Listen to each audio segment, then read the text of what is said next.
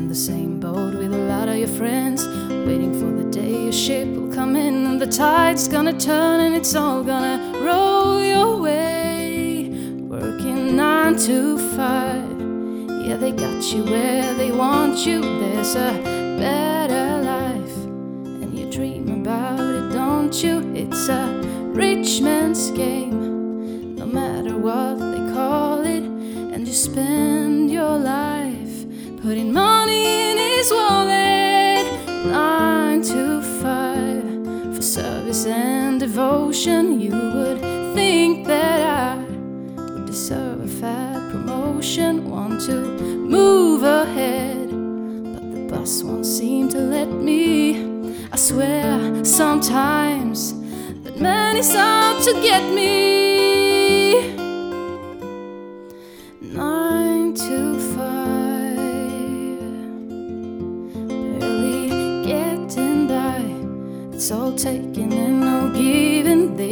Use your mind,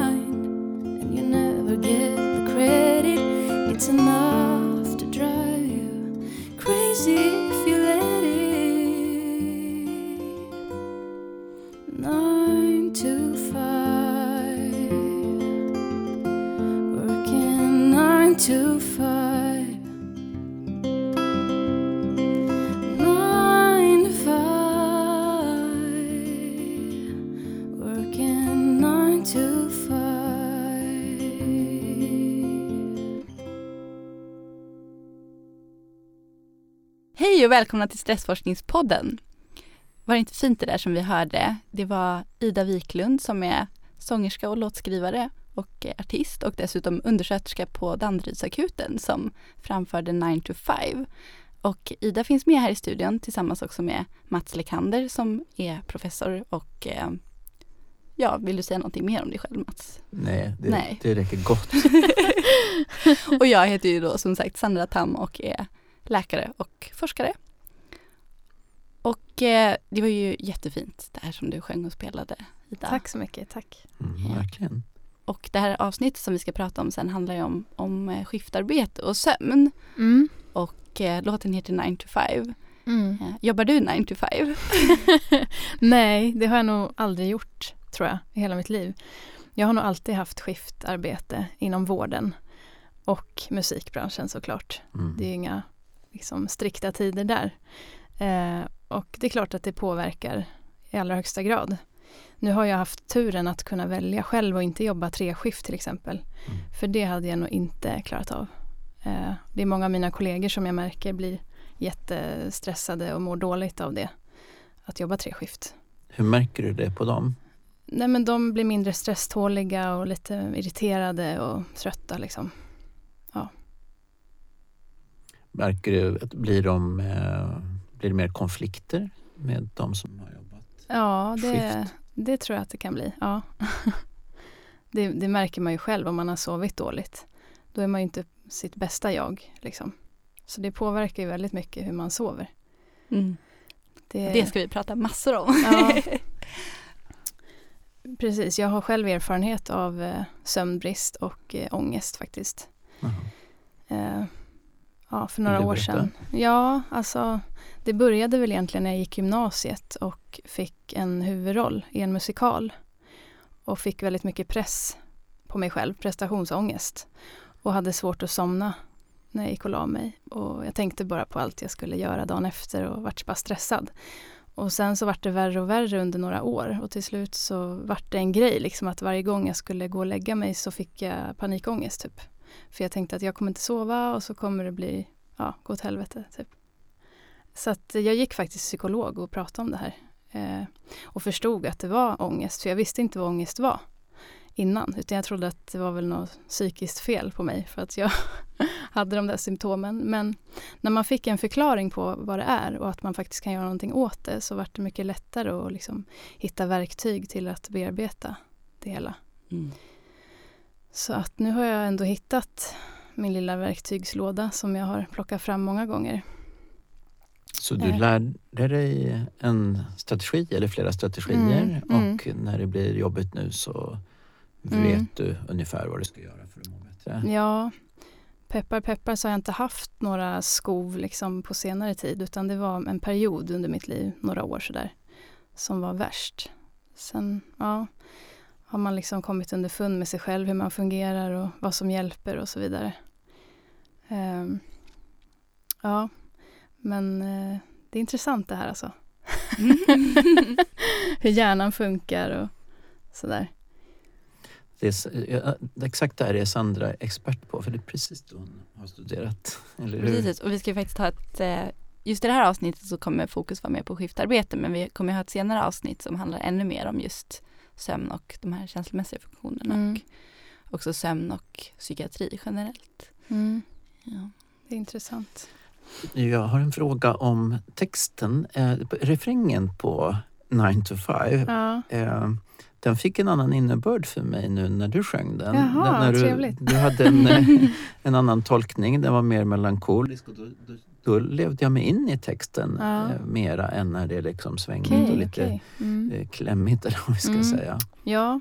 Gillar du texten? Ja. Eller? ja, absolut. Det gör jag. Och jag är väl en väldigt melankolisk person. Så att, eh, ja, så jag gillar att vinkla det åt det hållet. Ja, precis. Nej men det är ju väldigt talande text. Det är ju, jag tror att de flesta kan känna igen sig i det. Det här ekorrhjulet man liksom ofta hamnar i. I dagens samhälle. 9 till 5 jobb liksom. Mm. Och tappar bort sig själv nästan på vägen. Eh, så att eh, nej, det är ingenting som jag vill leva i i alla fall.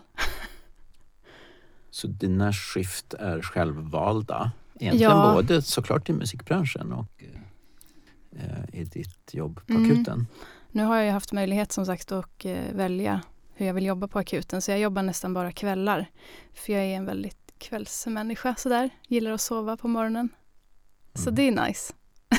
Just det, det där ska vi faktiskt prata om senare i avsnittet ja. också kring om det är så att det är bättre att välja sina egna skift och hur mycket, mm. den, hur mycket det har betydelse om man får styra själv. Ja, det tror jag har jättestor betydelse för att vi är ju ganska olika människor. Vissa gillar ju att gå upp tidigt och vissa mm. gillar att gå upp sent. Alltså, eller hur funkar ni? ja, men bra fråga. Jag är nog egentligen en morgonmänniska fast sen är jag vaken alldeles för sent på kvällen också så då Okej. Okay. du vill vara vaken hela tiden? Ja. Du spelar och repar på kvällarna och jobbar i vården på dagarna? Ja, mm. ungefär så. Mm, jag har varit kvällsmänniska men jag har tappat lite grann det med med flera, åren? Flera ja, dels med åren och sen med, eh, med barnen. Ja, med jo, men det barn. kan jag förstå. Så, och så har det mm. liksom blivit annorlunda. Så nu är jag lite mer kvällstrött och mm. Vaknar ganska tidigt för jag har gjort det så himla länge nu. Så att, mm. då kan jag nästan inte sova på morgonen. Nej, okej. Okay. Nej, vi är olika helt enkelt. Jag skyller på barnen. Ja. Men det är svårt att veta om det är barnen eller åren. Kanske både och. Kanske både och. mm. Vi ska gå vidare till den delen av eh, programmet när vi pratar med två av våra forskare från Stressforskningsinstitutet. Eh, så jag tänkte tacka dig Ida för att du ville komma hit och sjunga så fint för oss och också prata kring de Tack så mycket sakerna. för att jag fick komma. Tack. Nine to five. Barely getting by. It's all taking and no giving. They just use your mind. And you never get the credit. It's enough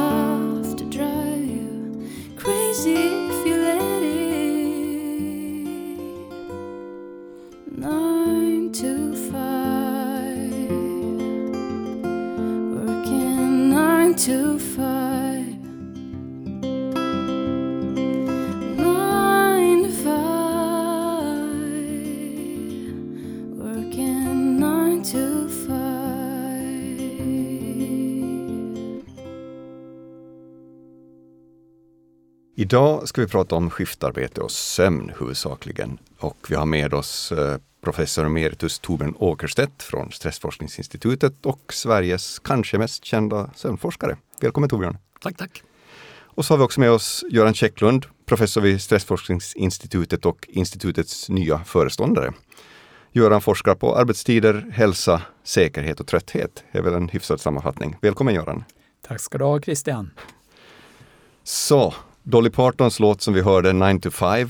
Eh, jobbar de flesta människorna 9 till 5 nu för tiden eller är skiftarbete vanligt? Ja, det är klart, de flesta jobbar 9 till 5. Fast egentligen jobbar väl 8 till 5 om man ska vara petig. Ja, svenska ja. tider. Mm. Eh, men det ska vi säga drygt 20 procent, 25 procent som jobbar skift. Eh, jag vet inte om Göran har någon annan uppfattning men grovt sett. Nej, men det ligger där någonstans. Men då ska man ju tänka på att de flesta som jobbar skift jobbar ju inte natt så himla ofta. Nej. Utan det är ju kanske så att det är en 5% som jobbar riktigt ofta natt och har bara nattarbete. För eh, man pratar ibland om oregelbundna arbetstider. Är det samma sak som skiftarbete eller? Alltså egentligen så är det nog så att allting som ligger utanför 9 till 5 är oregelbundna arbetstider, även om de råkar vara regelbundna. Mm. Ja, mm. Det är så man uh, använder beteckningen. Just det. Men brukar man även mena sådana som mig som går jour kanske en eller två gånger i månaden? Mm. Ja, alltså formellt sett, Göran och jag gör det säkert. Absolut. Medan äh, din äh, yrkeskår inte räknar som skiftarbetare. Nej. det är helt riktigt att det är ofta så att det finns något lite så här man förknippar det med någonting som är lite negativt och dåligt. Kanske att man ser det som att det tillhör industrin det här med att uh, vara skiftarbetare. För att, jo, ja, men, men är det?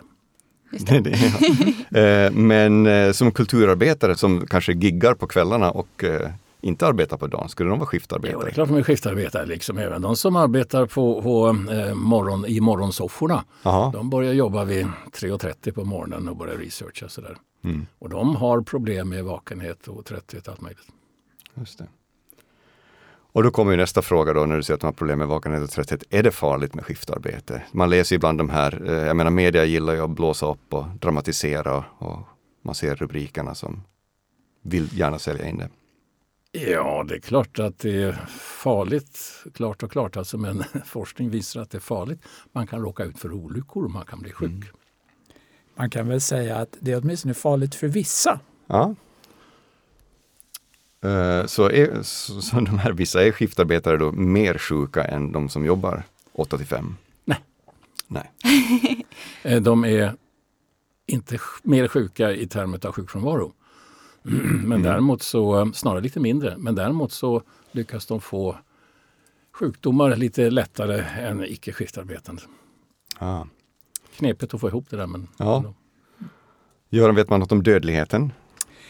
Där är det också lite knepigt att det finns undersökningar som visar att man har lite större risk att dö tidigare. Men jag skulle nog vilja säga att de flesta studierna visar ingen mm. effekt på dödlighet. Nu måste jag protestera. Vi har skickat in en sån studie nu. Det är 43 000 deltagare totalt sett. Som visar? Ja, det är 6% 7-procentig eh, ökning utav eh, oddskvoten för mortalitet. Och det är speciellt tydligt hos eh, tjänstemän och speciellt kvinnliga tjänstemän. Det låter ju som läkare, Sandra. Ja, men verkligen. Det är väl lite grann den slutsatsen vi drar, och sjuksköterskor. Just det. Så, Men får jag fråga, ja. för att du sa det här att det är krångligt att få ihop bilden. Har, du, eller har ni någon idé om varför det är på det sättet att de är som jag förstod det sjuka? Ja, det är väl så att eh, skiftarbetare överhuvudtaget har en sjukfrånvaro som är ganska låg beroende på att eh, om, när de är sjuka så ställer de sina eh, arbetskamrater i en dålig position. Eh, de får inte in tillräckligt mycket med kompletterande personal. Så de är, hem, de är antagligen på, på jobbet när de är sjuka mm. i mer, större mm. utsträckning än andra. Eller vad säger Göran? Så är det ju säkert. Sen ska man ju också tänka på att skiftarbetare arbetar ju ofta lite färre timmar i veckan och eh, har kanske färre arbetsdagar. Så det är inte helt lätt att göra en rättvis jämförelse med någon som jobbar måndag till fredag. eh, det vill säga fem dagar i veckan. Mm. Det där tycker jag, när man sitter och ska sjukskriva någon som har ett skiftarbete också, då blir jag alltid jätteförvirrad hur man ens ska räkna timmarna som man är borta. Så det, jag bidrar mm. säkert till den där statistiken. Ja, det är flera som är förvirrade. Jag menar, allt som har med sjukersättning och sånt att göra, det är ju knepigt ja. i den här branschen. Ja. Mm.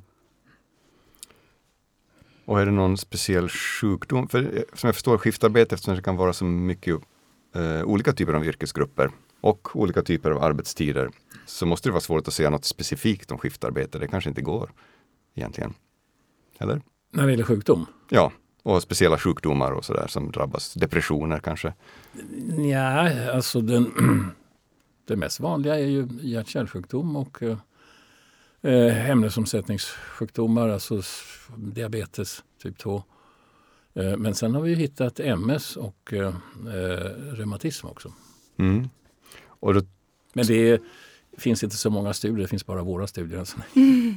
Man kan väl säga det också att man tror ju, åtminstone utifrån de teorier vi har om sömn och dygnsrytm, mm. att det är skiftarbete där nattjänstgöring ingår som innebär det största slitaget för hälsan. Just det. Och har man ett eh, skiftarbete där man växlar mellan dag och kvällsarbete och det är tillräckligt lång vilotid mellan passen och man kanske är ledig på helgerna så tror jag inte att det innebär några hälsorisker. Ja.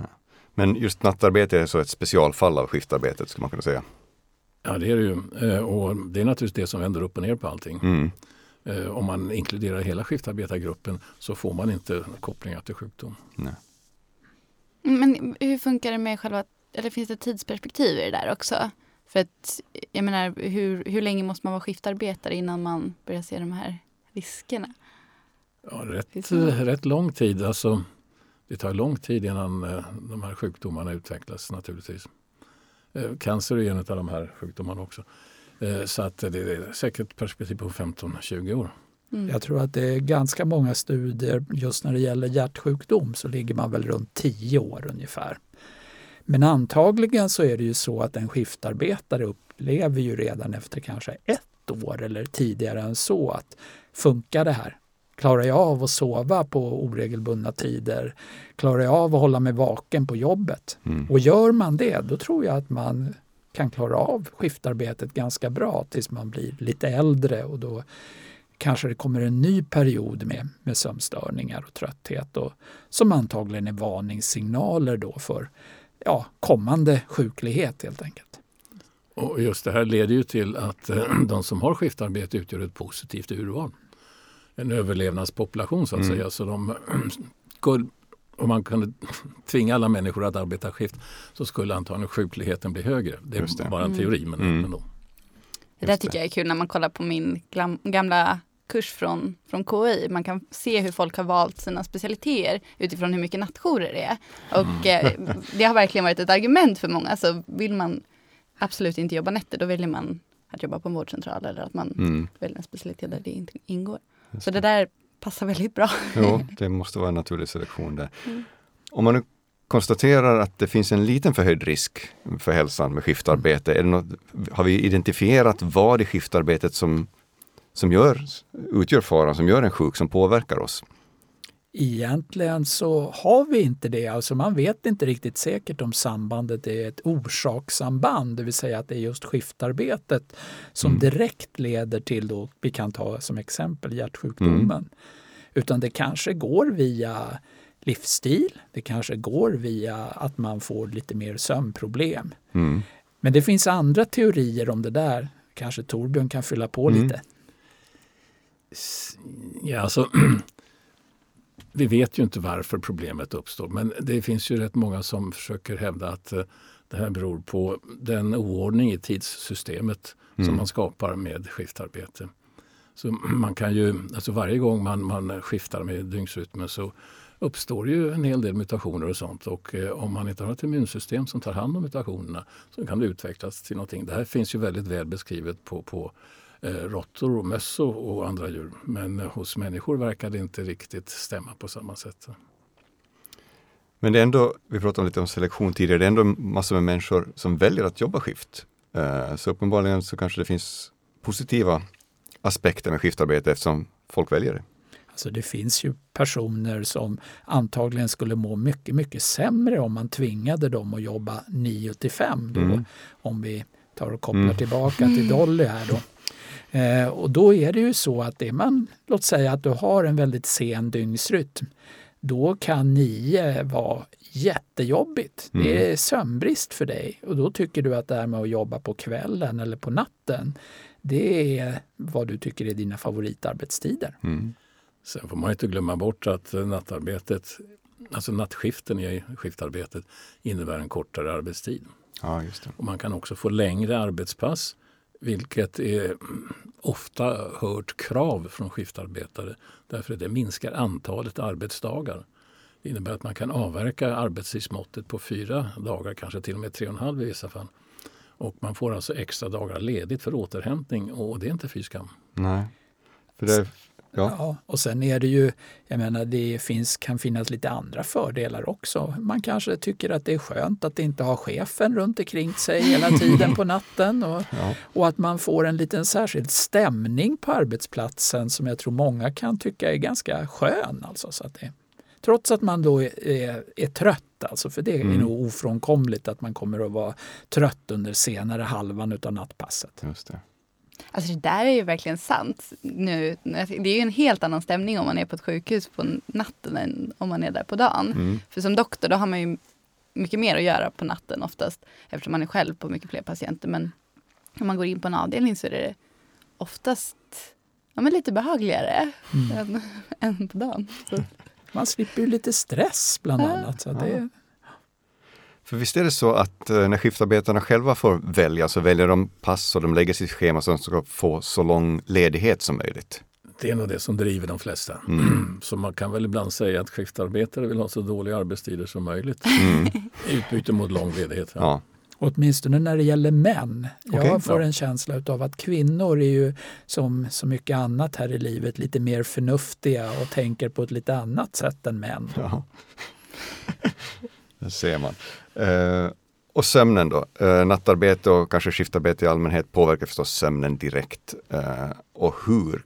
Vet vi hur sömnen påverkas? Förutom det uppenbara då att man inte sover på natten vissa nätter. Ja, egentligen så blir den bara kortare. Den blir inte sämre, Nej. tycker vi de studier som vi har gjort. Den blir alltså kortare. Men å andra sidan tar man igen den här sömnen under eftermiddagspass och under lediga dagar. Så att totalt sett så är det tveksamt om man egentligen drabbas av någon kronisk eh, sömnförlust utan mm. det är mm. snarare så att det varierar upp och ner. Och det kan ju för sig vara ett problem, det vet vi inte riktigt.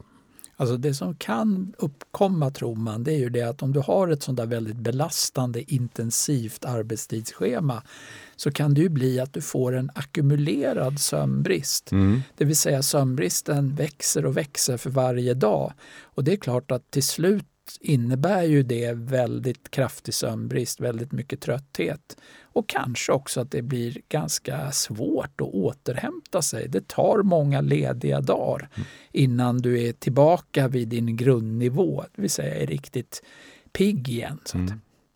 Har du upplevt det Sandra, när du har jobbat ja, nätter? Ja, men jag tycker alltid det är svårare att veta vad man ska ha för strategi när man, eller när man byter från att jobba natt till så att man har dagveckor. Liksom, antingen om man har de här enstaka jourerna eller om man har veckor som man jobbar nätter och sen så går man tillbaka till ett dagschema just ur den aspekten. Så man vill mm. inte komma efter för mycket med sömnen. Men å andra sidan så vill man inte, eller jag brukar inte vilja ställa om helt och hållet till en annan dygnsrytm heller. Liksom. Hur brukar ni, eller, hur, eller ni har inte sådana scheman, men hur tänker ni? kring? Ja, men det är nog så att eh, det vi rekommenderar tror jag fortfarande Jörna är väl att man ska ha, man ska inte ställa om. Utan Nej. man tar nattpassen och sedan eh, hoppar man tillbaka. Eh, därför att omställningen, teoretiskt sett i alla fall, kan vara det som orsakar mutationer och annat. Mm. Eh, men det här är obevisat, det är mm. enbart på, på djurförsöksnivå. Nej, alltså det är väl ett annat strategi som jag tror en del skiftarbetare gör i samband med nattarbete. Det är väl att sov när du kan. Mm. Alltså att kan du sova en liten tupplur på 20 minuter, det är inte så dumt. Alltså det kan göra att du mm. åtminstone klarar dig de närmaste timmarna utan att vara sådär toktrött. Alltså. Mm. Ja, det tycker jag är jättestor skillnad om man har fått sova ja, men någon timme jämfört med att inte få sova alls på en natt. Då, ja, de jourerna känns trevligare. jo men så är det ju. Det är liksom, jag tror ju att det är egentligen, om man tänker sig att det är att huvudproblemet är just sömnbrist, mm. då är det ju egentligen inte så svårt att, att försöka hantera genom att lägga in tupplurar mm. och försöka ja, prioritera sömnen helt enkelt. Mm. mm. Nu när vi pratar om sömn här, eh, man kan ju få problem med sömnen även om man inte är skiftarbetare och nattarbetare. Men om man har haft små barn så drabbas man av sömnstörningar. Eh, kanske ni kan berätta lite vad som vad händer i kroppen när man har sömnproblem och sömnstörningar? Ja, eh, det är så här att eh, om man tittar på insomniker, alltså sådana som har diagnosen insomni, som mm. har en etablerad sömnstörning, så ser man ju knappt några tecken på försämrad sömn. Ah. Och det är ett eh, jätteproblem. Men däremot vet man ju att folk som rapporterar sömnstörningar, de har en rad eh, drabb, ökad risk att drabbas av en rad sjukdomar. I princip samma som eh, av skiftarbetare. För, för du ser att när, eh, alltså när, när, folk rapporterar att de sover dåligt mm. så kan vi mäta dem och se att de inte sover dåligt. Nej, jag inte. tror nog att det är så att vi på något sätt inte har hittat ah. just deras sömnstörning. Jag, förstår. jag menar med objektiva mått så kan man eh, avgöra hur många gånger man vaknar, hur, hur eh, lite man sover totalt. Mm. Eh, och det är de faktorerna som är kopplade till upplevelsen av sömnstörningar. Just det. Eh, men när man tittar på insomniker så är deras sömn nästan helt normal. Den är av normallängd och lite förändrade absolutnivåer av sömnstadier och annat. Men det är inte alls i proportion till den rapporterade sömnstörningen. Så därför tror man att problemet ligger någon annanstans. Mm att man kanske är vaken med vissa delar av hjärnan när man sover. Just det. Och det ger den här upplevelsen av sömnstörning. En annan alltså, hypotes där mm. som också har fått viss stöd är ju det att det är ju kombinationen av att uppleva insomni, det vill säga typ svårt att somna, orolig sömn och så vidare, och kort sömn. Att det är där, att den korta sömnen, det är då den slår riktigt. Eh, så att det är en möjlighet att mm. det är faktiskt den korta sömnen för insomnikerna som ställer till det. det. Sen ytterligare en är ju, och den är väl liksom lite kontroversiell, men det är väl att själva oron, alltså att det är stressen för mm. sömnstörningen eh, kan också ställa till mycket problem tror jag. Att det helt enkelt blir att man har en ständig uppvarvning, alltså mm. en, en, bygger upp en långvarig stressreaktion. Ja, det har vi pratat om i tidigare avsnitt, den, den ständiga äh, stresspåslaget och hur det Precis, påverkar. vi ska ju faktiskt ha ett till avsnitt om sömn så mm. småningom där vi ska prata lite grann om de här grejerna också. Men det som är intressant i, den, i det här perspektivet är ju också att när man behandlar patienter med insomni, då framförallt med psykologiska behandlingar, mm. då är det ju inte i första hand sömnlängden som ändras utan då är det ju just den subjektiva upplevelsen mm. också. Mm. Ja, så det är ju säkert, jag hört till de som tror att det är det ligger väldigt mycket i den. Mm. Man kan väl säga, om man får gå in på det här, vi håller på med en sån studie just nu. Eh, förändringarna som man ser där är ju naturligtvis inte på sömnlängden därför vi ber dem ju att minska ner sin mm. sömnlängd. Mm. Men däremot så konsolideras sömnen. Mm. Den blir färre uppvaknanden och mm. det hänger ihop bättre. Och eh, de får alltså lika mycket sömn efter sömntidsbegränsningen som de hade innan de gick in i behandlingen. Eh, och det här gör att de ja, upplever att sömnen blir mer koncentrerad. Mm. Så om man känner att man har lite sömnproblem och är tvungen att jobba eller vill, väljer att jobba skift, jobba natt. Eh, finns det några saker man kan göra för att undvika eller minska de här sömnproblemen? För att kunna sova bra trots att man kanske måste ha dagsömner och, och sådär. Alltså det är klart att det finns ju sådana här ganska enkla råd och tips som man åtminstone inledningsvis kan börja mm. med. Och bara sådana enkla saker som att försöka se till att ha ett, ett sovrum som är mörkt, som är svalt och som är tyst. Mm. Det kan vara en väldigt viktig förutsättning för att du ska kunna sova bra på dagen. För då blir det ju oftast lite bullrigare i miljön runt omkring och det kanske är en sol som skiner på där inne i sovrumsfönstret och sånt. Det gör det ju halva året här nästan. Mm. Ja, egentligen tycker man ju att äh, människor som har nattarbete borde få subventionerad luftkonditionering mm. att använda dagtid när de sover på dagen. Just det. För att få svalkan då i, i sovrummet? Ja, mm. men det finns också jag var på en kongress nyligen och där fanns det en utställare som sålde eh, köldtäcken och köldmadrasser mm. där man kunde ställa in temperaturen. Eh, jag kan inte garantera för att det funkar men det var i varje fall ett intressant nytänk. Mm. Mm. Jag, när jag pratar med, med uh, människor i allmänhet så blir jag förvånad över hur få som har det mörkt i sina sovrum mm. och säger nej men det är inget problem.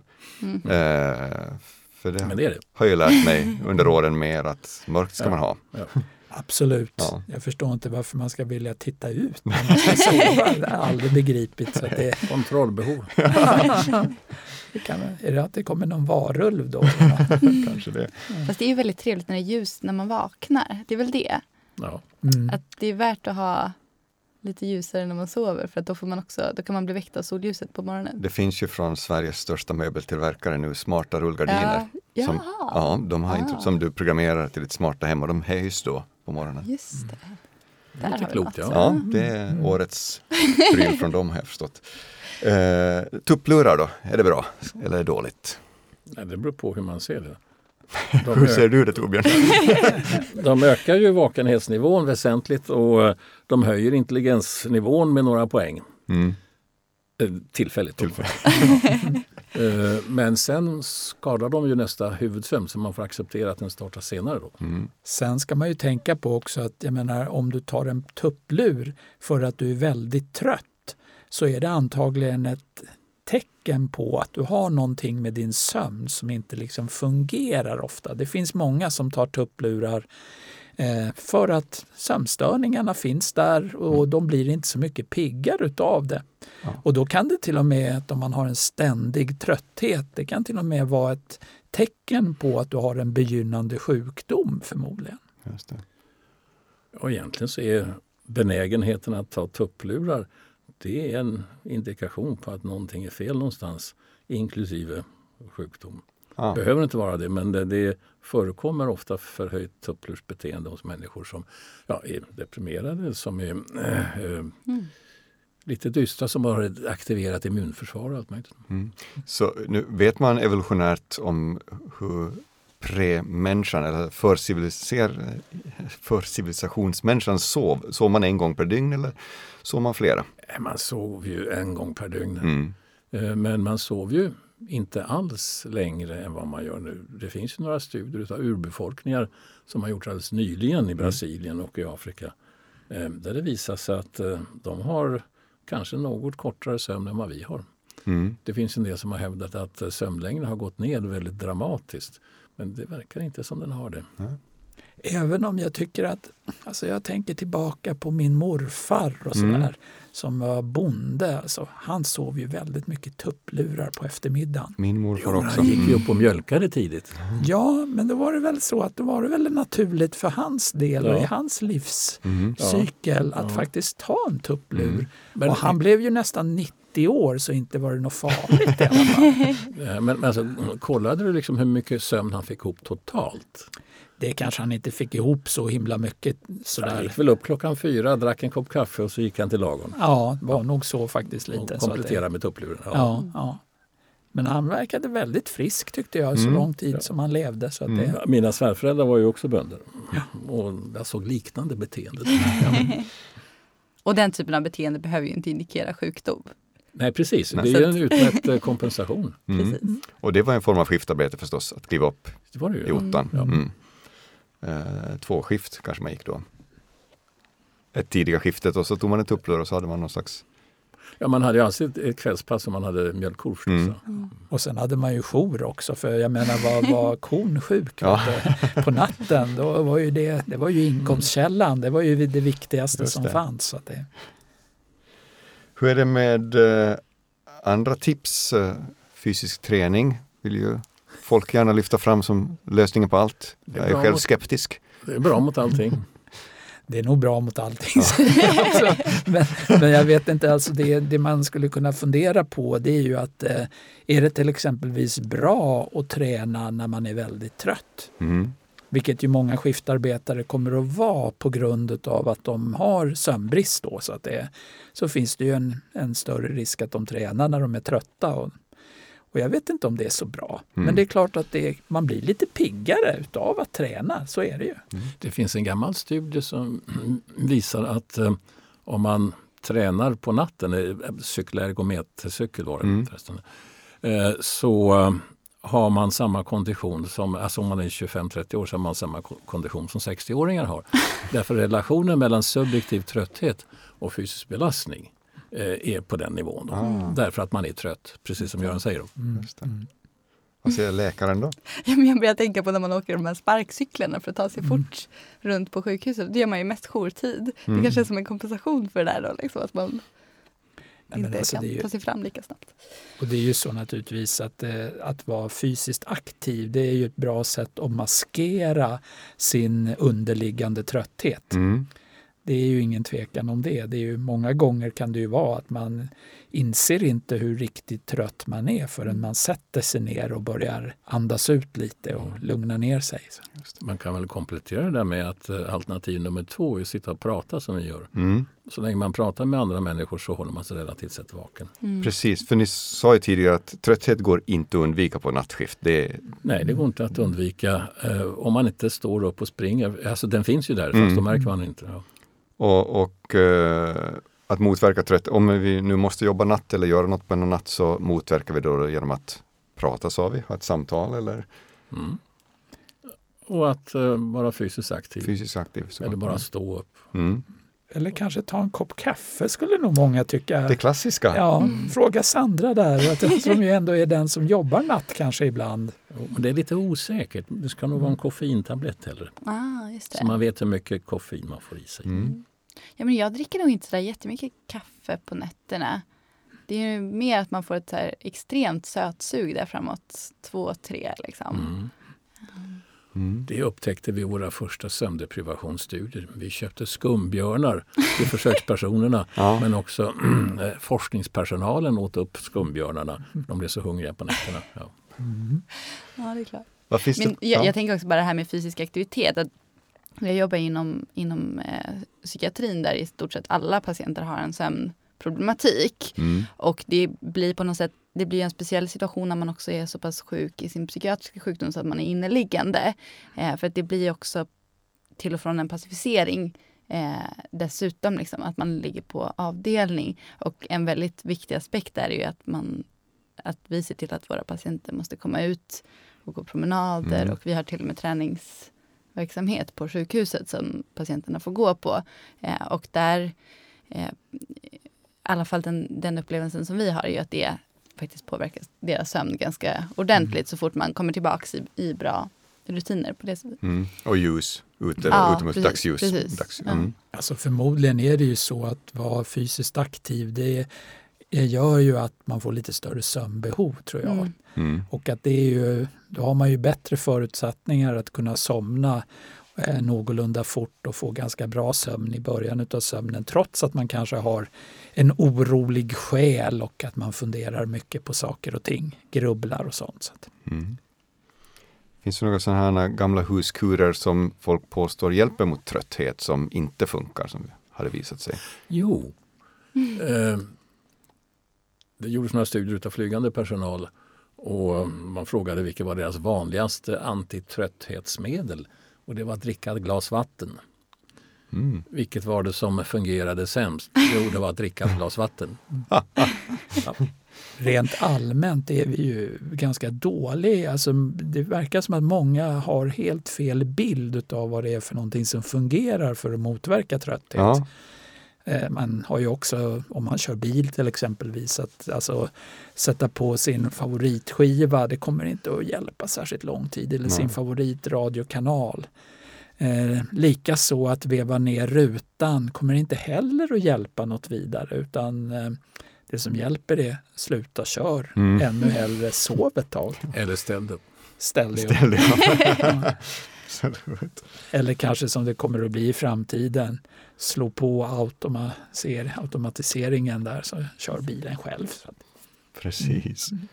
Vi pratade lite om, om uh,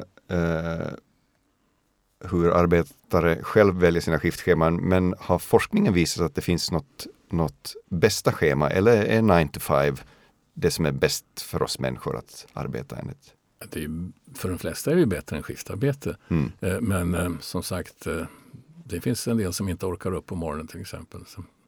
Men det här med bästa skiftschemat, det kanske Göran vill dra sen. Men jag tänkte bara kommentera vad, vad är det som folk tycker illa om i skiftschemat? Ja. Och det är ju inte nattpasset. Inte alls. Inte morgonpasset heller. Utan det är ju att ha kort framförhållning i, i eh, schema offentliggörandet. Mm. Och ah. Det är att ha kort tid mellan arbetspassen. Vilket förstås som i vården då åtta timmar mellan passen ibland för sköterskor i alla fall. Eh, naturligtvis driver fram en rejäl trötthet. Mm. Mm. Man kan ju säga det att alltså det finns ju eh, idéer om hur man, eller rekommendationer kan vi säga, om hur man tror är det bästa schemat. Men de är ju inte evidensbaserade. Vi har inte kunnat bevisa att det verkligen att man blir friskare utav ett sådant schema jämfört med något annan typ av schema. Mm. Så att det, men det är klart, alltså det, det man tror är ju att scheman som stör återhämtningen så lite, som inte håller på att jäklas med dygnsrytmen särskilt mm. mycket och som innebär att man inte får alltför intensiva arbetsperioder. Det kan man väl säga är det som vi utifrån våra teorier tror skulle vara de bästa. Mm. Men egentligen måste man ju säga att skiftarbete är ju obiologiskt. Alltså nattarbete. Ja. Mm. Eh, så att eh, det är klart att det kommer att störa. Man kan aldrig få ett eh, symptomfritt nattarbete. Men man kan ju minska ner några av de värsta felaktigheterna. Och det är klart att den här frågan om, om hur man ska schemalägga, den är ju väldigt viktig för skiftarbetarna själva. Och det finns ju exempel på inom till exempelvis industrin där man har de här 12 timmars skiften som ju är mm. långa och tuffa och krävande och där man faktiskt inte riktigt har kunnat visa att de innebär så stora risker som man skulle tro. Möjligen med undantag för då säkerhet. Där det verkar som mm. att olycksbiten, alltså att man blir mer trött och, och där det verkar finnas samband med att man ja, gör fler fel och misstag och kanske drabbas av mer arbetsskador också. Jobbar ni själva på nätterna? Även om ni inte har skiftarbete som forskare så, ja i vissa uh, studier kanske ni måste vara uppe på, eller måste tidigare i alla fall vara uppe på nätterna. Jo, men nej, alltså det, man jobbar ju inte gärna på natten. Nej. Uh, alla vet ju att det inte är bra. Nej, man blir så trött tycker jag nu för tiden. Mm. sådär, när jag börjar bli lite äldre så, där, så känner jag att det, jag vill gärna gå och lägga mig på kvällen. Mm. Så jag skulle vilja säga att till skillnad från Dolly som är 9 to 5 mm. så är jag kanske då mer 9 to 9. För jag har ganska långa arbetsdag. Ja. Gillar mitt jobb och mm. Ja, tycker nog att jag kan faktiskt klara av ganska långa pass men det är klart, ibland så jobbar jag ganska kort också. Mm. Men du då Sandra, du, har du valt en inriktning som gör att du måste jobba natt? Ja men det måste jag ju, fast inte, det är inte väldigt mycket natt. Men det är, ja. Nu har jag precis bytt arbetsplats men mm. i princip så är det väl sådär kanske två nätter i månaden eller något i den, i den stilen som jag brukar. Vilket är ganska okej. Mm. Det är faktiskt mer skiftarbete att vara småbarnsmorsa som jag också är. Ja, jo. Och den är svår att förhandla bort, Precis. de tiderna. Ja. Och det är väl en intressant reflektion att det är ju ganska många som verkar, framförallt yngre människor, som gärna blir skiftarbetare fast det inte är någon arbetstid som ligger bakom utan det är mer deras sociala intressen helt enkelt. Mm. Och där jag tänker på många unga som är uppe gärna en bra bit in på natten när det är helger och lediga dagar. Och sen så får de problem när de ska börja skolan sen på måndagen då man har då är, kanske får alldeles för lite sömn natten mellan söndag till måndag och, och börjar med en rejäl trötthet. Mm.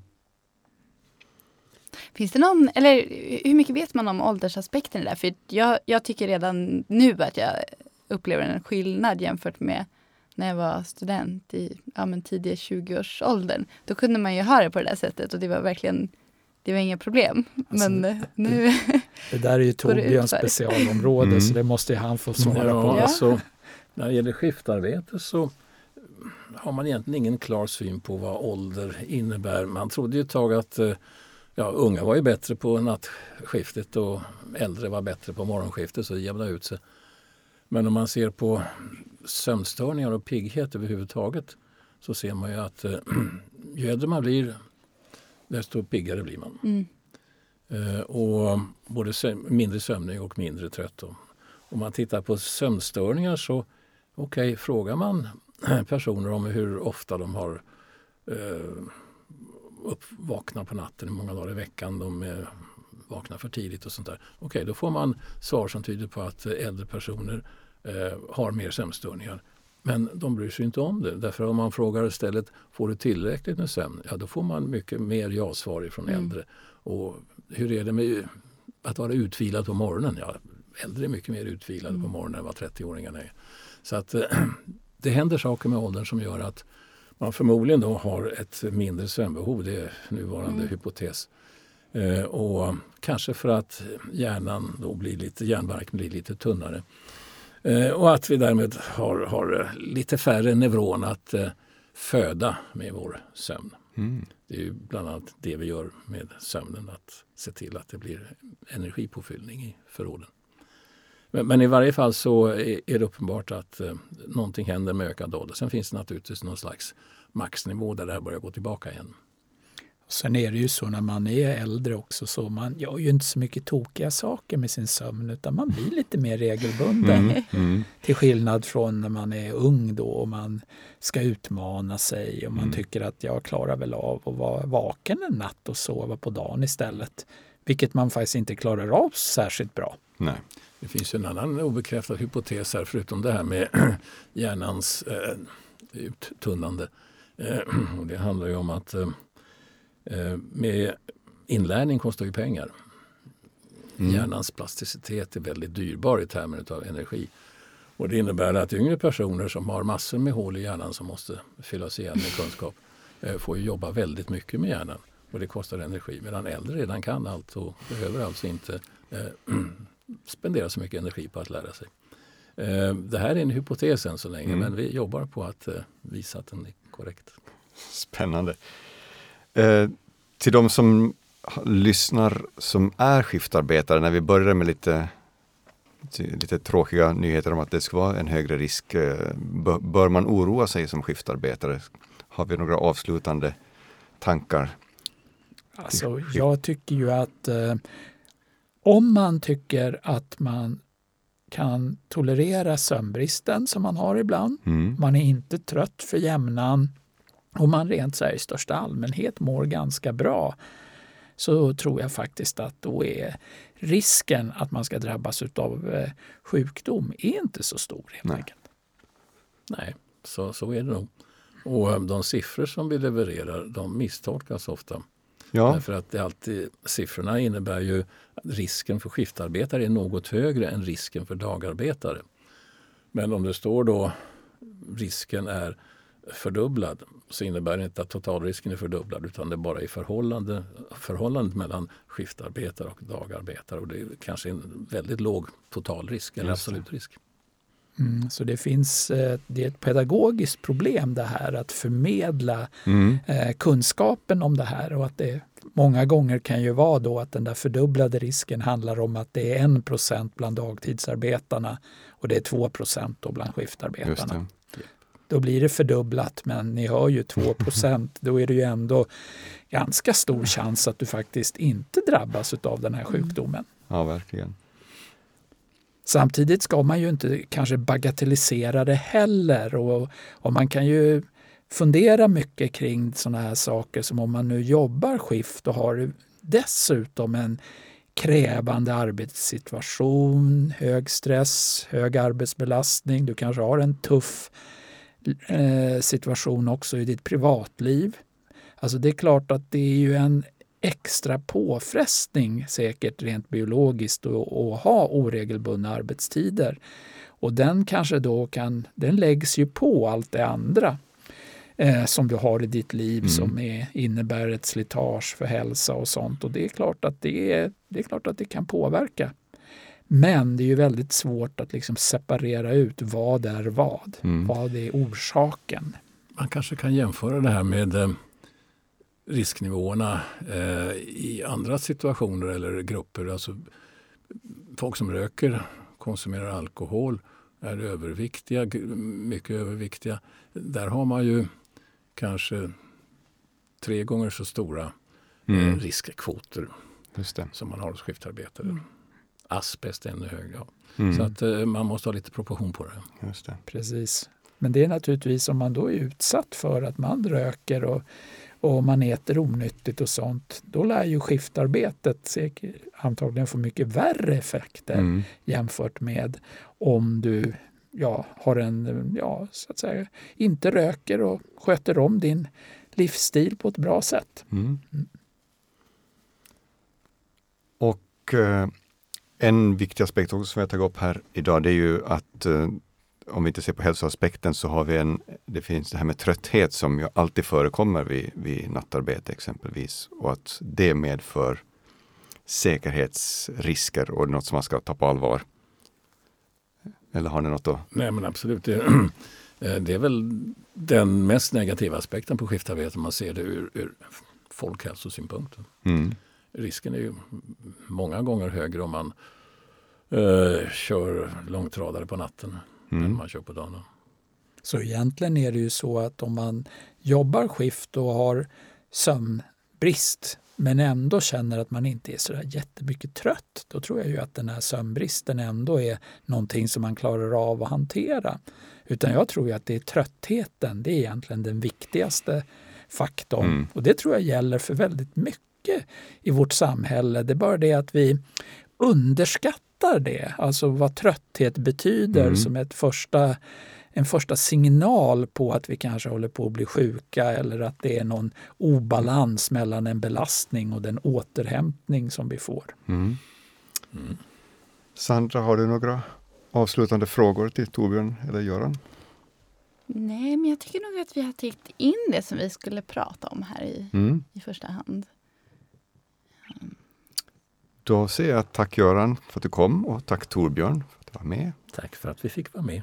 Tack, tack. Sandra. Och så ja, men ses tack. vi snart igen ja. i en podd nära dig.